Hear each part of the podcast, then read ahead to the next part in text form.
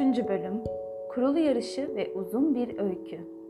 Kıyıda toplanan hayvanlar gerçekten de tuhaf görünen bir kalabalık oluşturmuştu.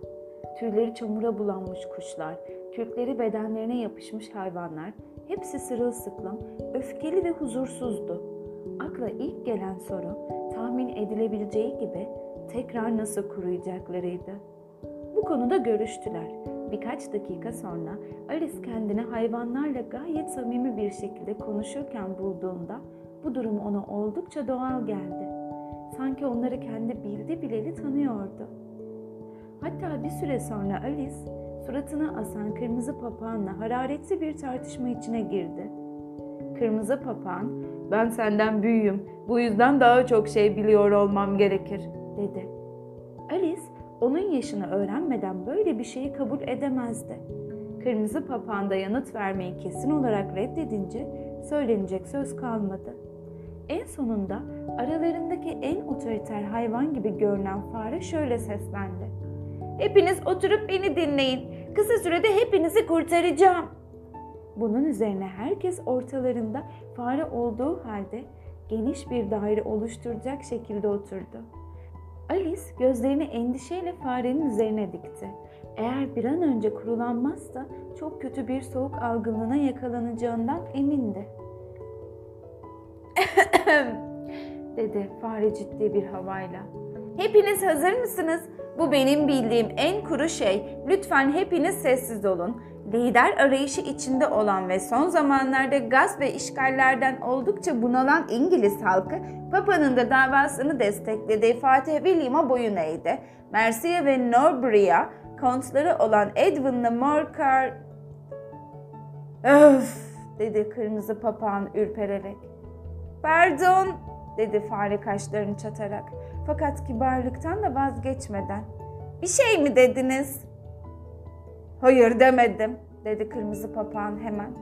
Bana öyle geldi o zaman dedi fare. Devam ediyorum. Mercia ve Northumbria kontları Edwin'la Morcar Fatih William'ın yanında olduklarını açıkladılar. Hatta Canterbury'nin yurtsever başpiskopası Stingant bile bu durumu olumlu buldu. Neyi buldu? dedi ördek. Onu buldu diye tersleyerek karşılık verdi fare. Elbette onun ne anlama geldiğini biliyorsun. Ben bir şey bulduğumda onun ne anlama geldiğini gayet iyi bilirim, dedi ördek. Bu genellikle ya bir kurbağadır ya da solucandır. Sorun başpiskoposun ne buldu? Fare bu soruyu duymazlıktan gelip aceleyle konuşmasına devam etti.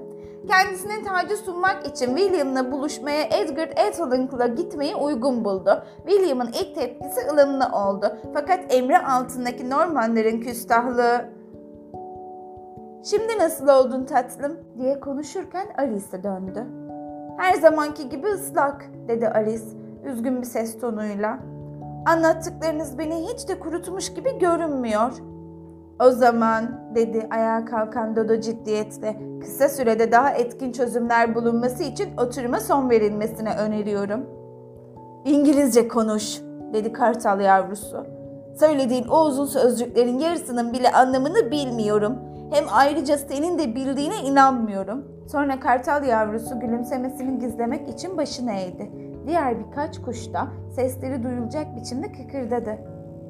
Anlatmak istediğim şey şuydu, dedi Dodo gücenik bir sesle. Bizi kurtaracak en iyi yol bir kurul yarışı düzenlemek.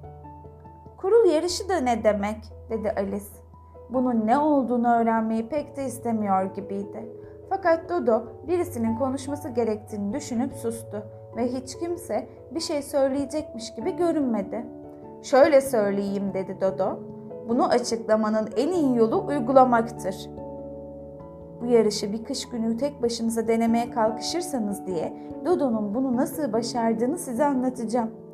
Dodo ilk olarak bir daire şeklinde yarış parkuru belirledi. Tam bir daire olmasının önemi yok demişti ve tüm yarışmacıları parkurun üzerinde oraya buraya yerleştirdi. 1, 2, 3 başla diye bir şey yoktu. Yarışmacılar istedikleri zaman koşmaya başlıyor, istedikleri zaman duruyorlardı. Bu yüzden yarışın ne zaman biteceğini bilmek kolay değildi. Bununla birlikte yarışmacılar yaklaşık yarım saat koşturup iyice kuruduktan sonra Dodo birden "Yarış bitti!" diye bağırdı ve herkes onun etrafında toplanıp soluk soluğa "Peki şimdi kim kazandı?" diye sordu. Dodo'nun bu soruya yanıt verebilmesi için epey bir düşünmesi gerekti. Herkes sessizlik içinde beklerken o, tıpkı Shakespeare'ı resimlerinde gördüğünüz gibi bir parmağını alnına dayayıp uzun süre öyle durdu. Dodo en sonunda herkes kazandı, hepinizin ödüllendirilmesi gerek dedi. Peki ama ödülleri kim verecek diye sordu herkes hep bir ağızdan. Kim mi? O tabii ki dedi Dodo parmağıyla Alice'i göstererek. Bunun üzerine hepsi birden Alice'in çevresine toplanıp isteriz, isteriz, ödüllerimizi isteriz diye bağırıştılar. Her kafadan bir ses çıkıyordu. Ne yapacağı konusunda Alice'in bir fikri yoktu. Umutsuzluk içinde elini cebine atıp bir kutu şekerleme çıkardı. Neyse ki kutunun içine tuzlu su girmemişti ve tek tek uzattı. Herkese tam bir şekerleme düştü. Onun da bir ödül alması gerek değil mi? dedi fare. Elbette diye karşılık verdi Dodo ağır başlılıkla. Cebinde başka neler var diye devam etti Alice'e dönerek. Yalnızca bir yüzük dedi Alice üzülerek.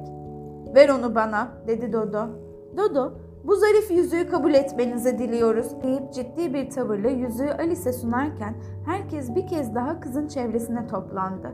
Dodo bu kısa konuşmayı bitirdiğinde de hepsi birden neşeyle alkışladı. Alice bütün bunların çok saçma olduğunu düşündü. Fakat herkes o kadar ciddi görünüyordu ki gülmeye cesaret edemedi.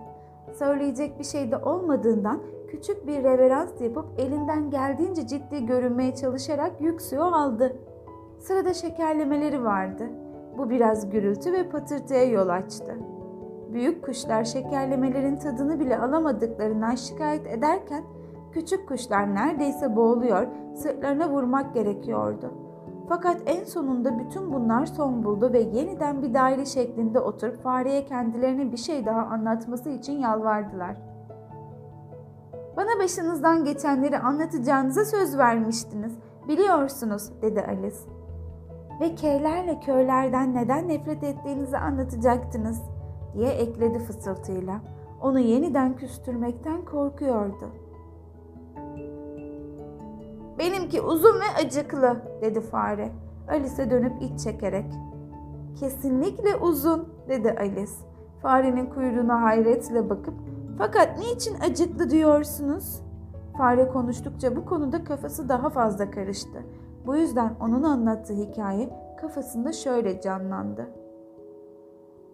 Evde karşılaştığı bir fareye şöyle dedi öfke. Yürü mahkemeye gideceğiz. Sana dava açacağım. Haydi itiraz istemiyorum. Ben duruşmaya gidiyorum. Çünkü gerçekten bu sabah yapacak bir işim yok. Fare, jürinin ve yargıcın olmadığı böyle bir mahkeme nefesimizi boşa harcamak olur, dedi köpeğe. Yaşlı kurnaz, öfke, jüride yargıç da ben olacağım dedi. Seni yargılayıp ölüme mahkum edeceğim. Beni dinlemiyorsun, dedi fare sertçe Alice'e. Aklından neler geçiyor? Özür dilerim, dedi Alice alçak gönüllü bir tavırla. Beşinci kıvrıma gelmiştiniz sanırım.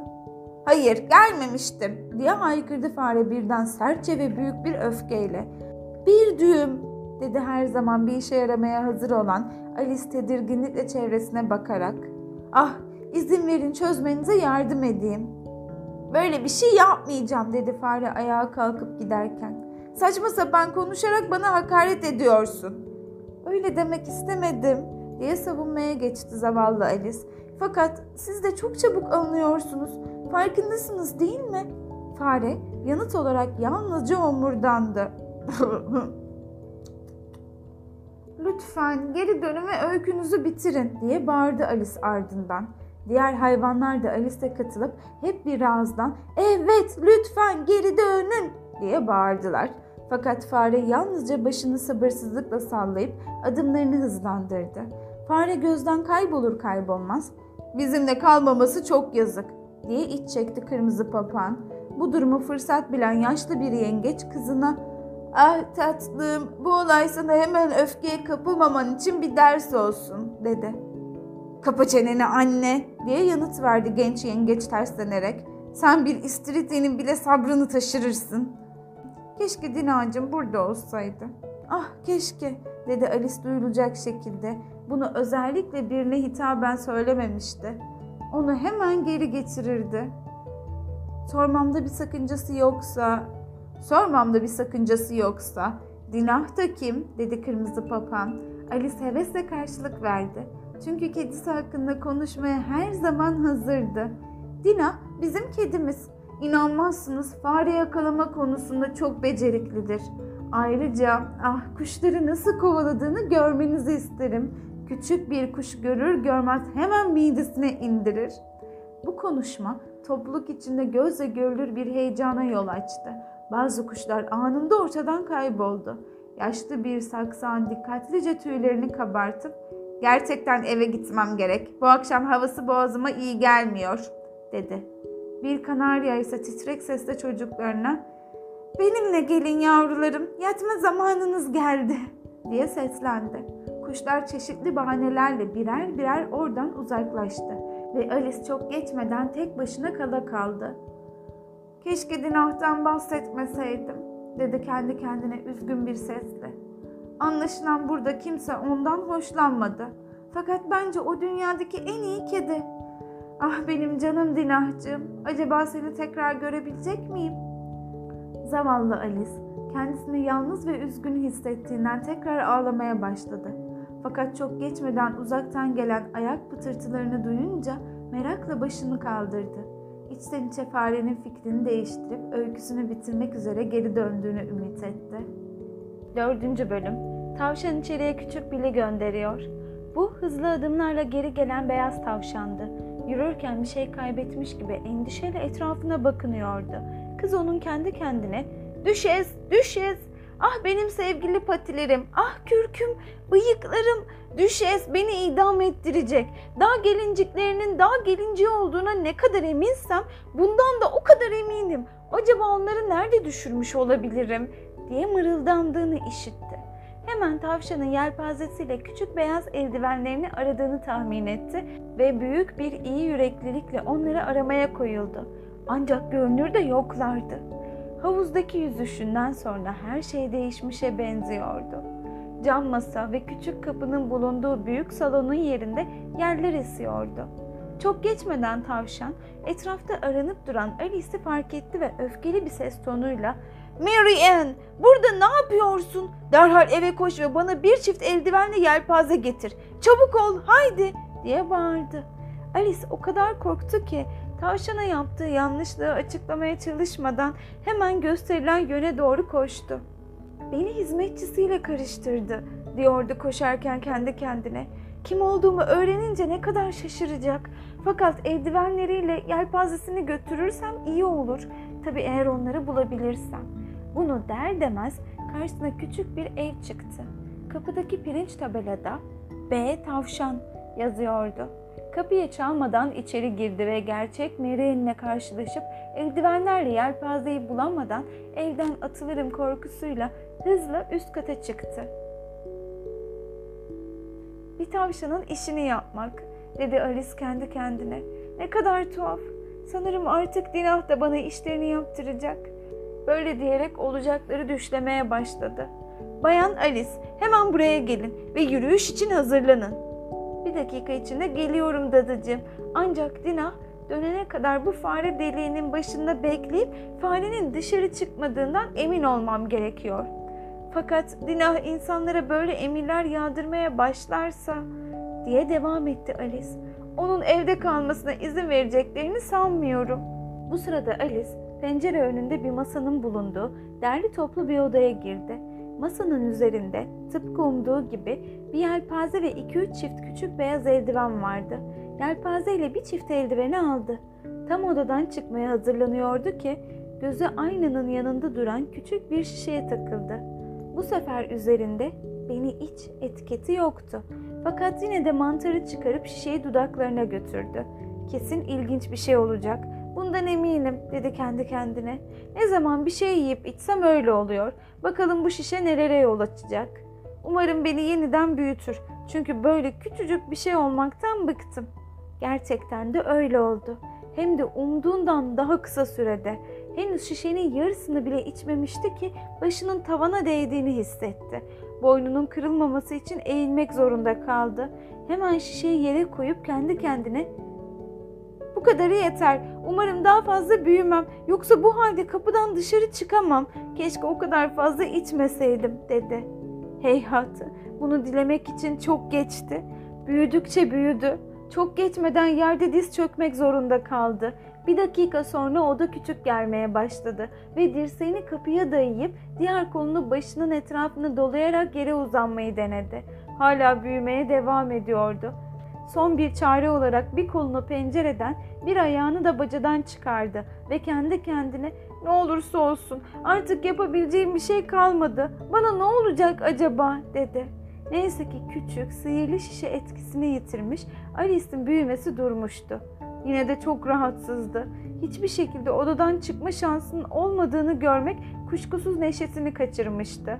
İnsanın büyüyüp küçülmedi, farelerden ve tavşanlardan emir almadığı evinde olması çok daha güzel diye düşündü zavallı Alice.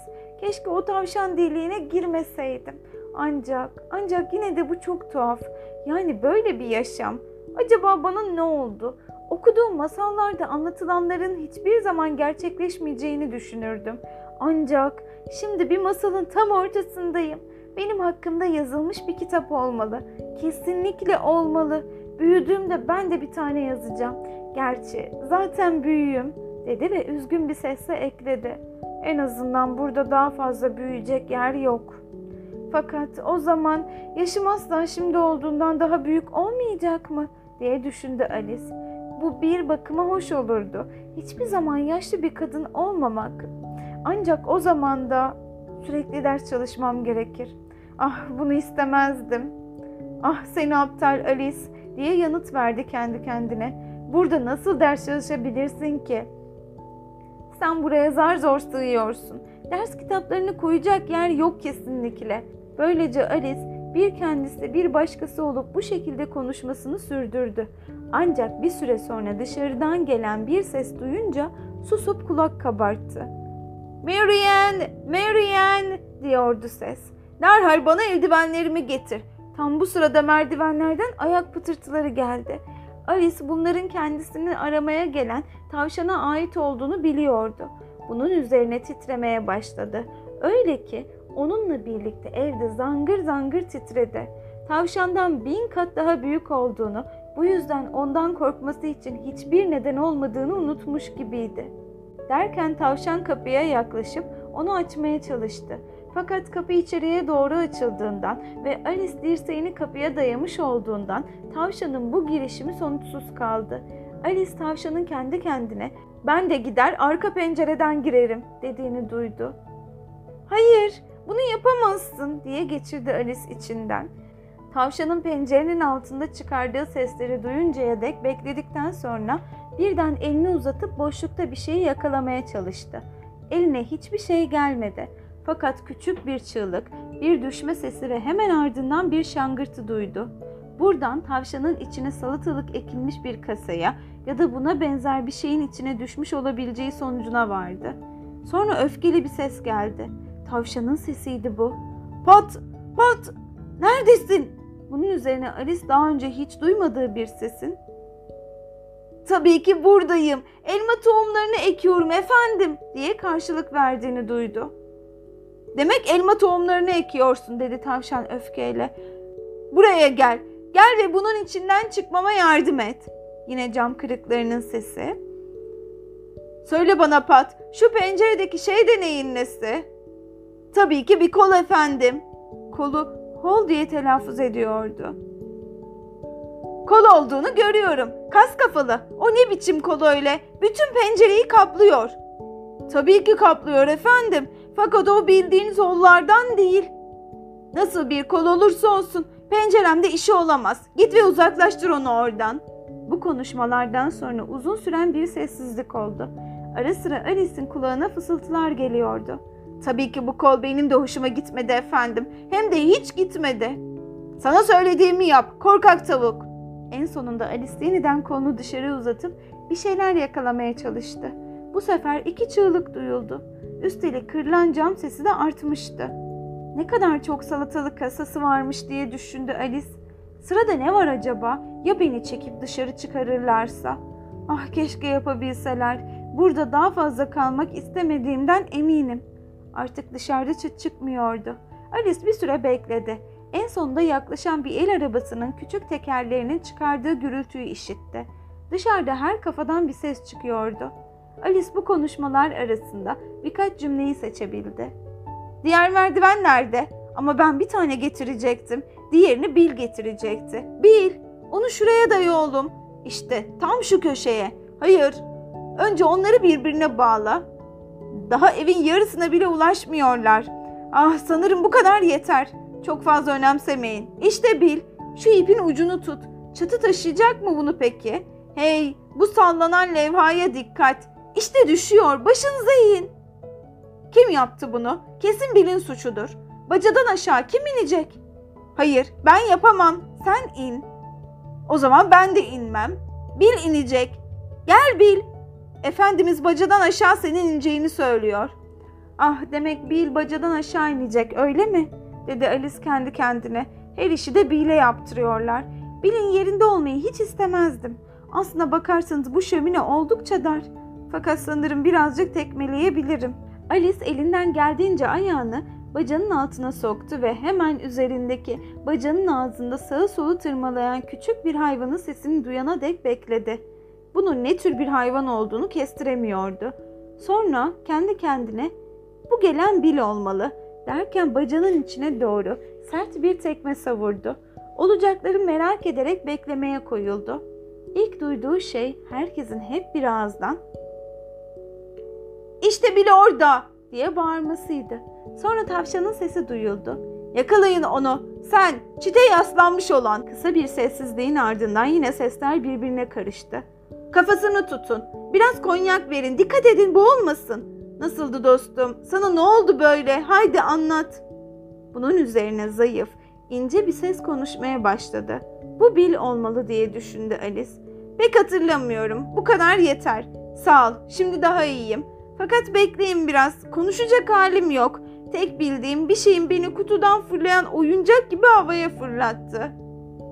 Evet, aynen öyle oldu dostum, dedi oradakiler.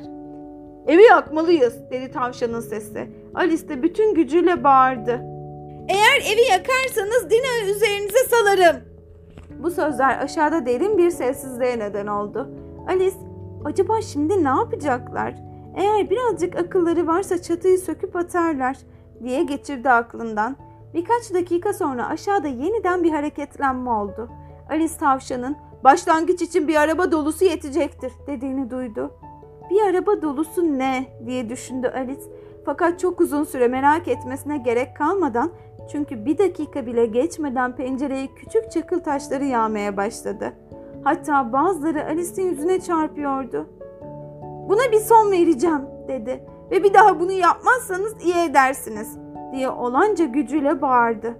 Bu sözler yeniden derin bir sessizliğe neden oldu. Alice büyük bir şaşkınlıkla yere düşen çakıl taşlarının birer kurabiyeye dönüştüğünü fark etti ve aklına parlak bir fikir geldi. Bu kurabiyelerden yersem diye düşündü. Büyüklüğümde bir değişiklik olacağına eminim. Daha fazla büyüyemeyeceğime göre bu kurabiyeler beni tekrar küçültür herhalde. Böyle diyerek ağzına bir kurabiye attı ve hemen küçülmeye başladığını görünce çok mutlu oldu. Kapıdan geçebilecek kadar küçüldüğünde koşarak evden dışarı çıktı ve dışarıda hayvanlardan ve kuşlardan oluşan kalabalığı gördü. Zavallı küçük kertenkele Bil kalabalığın ortasındaydı. Ayakta durmasına yardımcı olan iki gine domuzu bile ellerindeki şişeden bir şey içiriyordu. Alice ortaya çıkar çıkmaz bütün hayvanlar ona doğru hücum etti. Bunun üzerine Alice var gücüyle koşmaya başladı ve çok geçmeden kendini sık ağaçlardan oluşan bir ormanın tam ortasında buldu. Artık güvendeydi. Yapmam gereken ilk iş dedi Alice ormanda dolaşırken. Gerçek büyüklüğüme kavuşmak. İkinci ise yeniden o güzel bahçeye giden yolu bulmak. Sanırım en iyi plan bu. Kuşkusuz bu plan kulağa harika geliyordu. Açık seçik ve net bir plandı. Tek zorluk Alice'in bu planı nasıl gerçekleştireceği hakkında en ufak bir fikrinin olmamasıydı. Tedirgin gözlerle etrafı kollayarak ağaçların arasında dolanırken hemen başının üstünden gelen keskin bir havlama işitti ve telaşla başını kaldırdı. Dev bir köpek yavrusu iri yuvarlak gözleriyle eğilmiş kendisine bakıyor ve patisini hafifçe uzatarak ona dokunmaya çalışıyordu.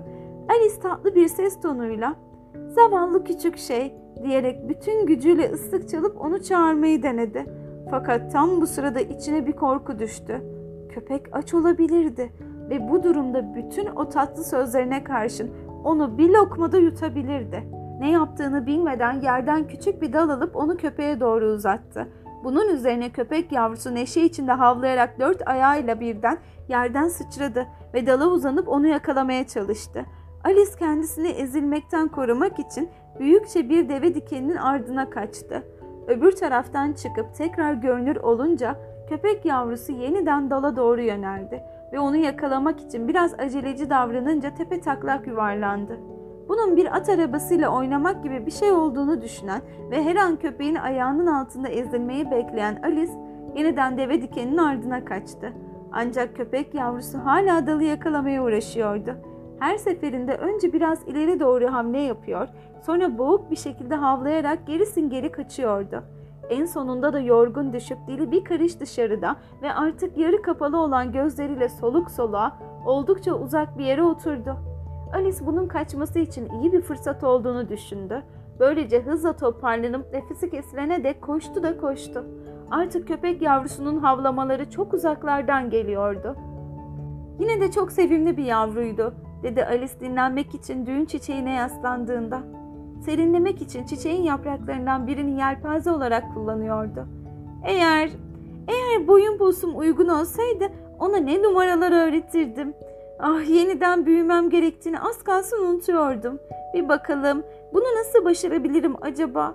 Sanırım bir şeyler yemem ya da içmem gerekiyor. Fakat asıl sorun bunun ne oldu? Asıl sorun kesinlikle ne yiyip içeceğiydi. Alice çevresindeki çiçeklere, yerdeki otlara göz gezdirdi. Fakat etrafta yiyip içmeye uygun bir şey göremedi. Hemen yanı başında, neredeyse kendi boyunda kocaman bir mantar bitmişti. Alice mantarın altına, sağına, soluna, arkasına baktı ve sonra mantarın tepesine de bir göz atmak aklına geldi. Ayak parmakları üzerinde yükselerek mantarın kenarından yukarıyı gözetledi. Tam bu sırada kocaman mavi bir tırtılla göz göze geldi. Tırtıl kollarını kavuşturmuş mantarın tepesinde oturuyor, sessizce nargilesini tüttürüyordu. Ne Alice'i ne de başka bir şeyi umursuyordu.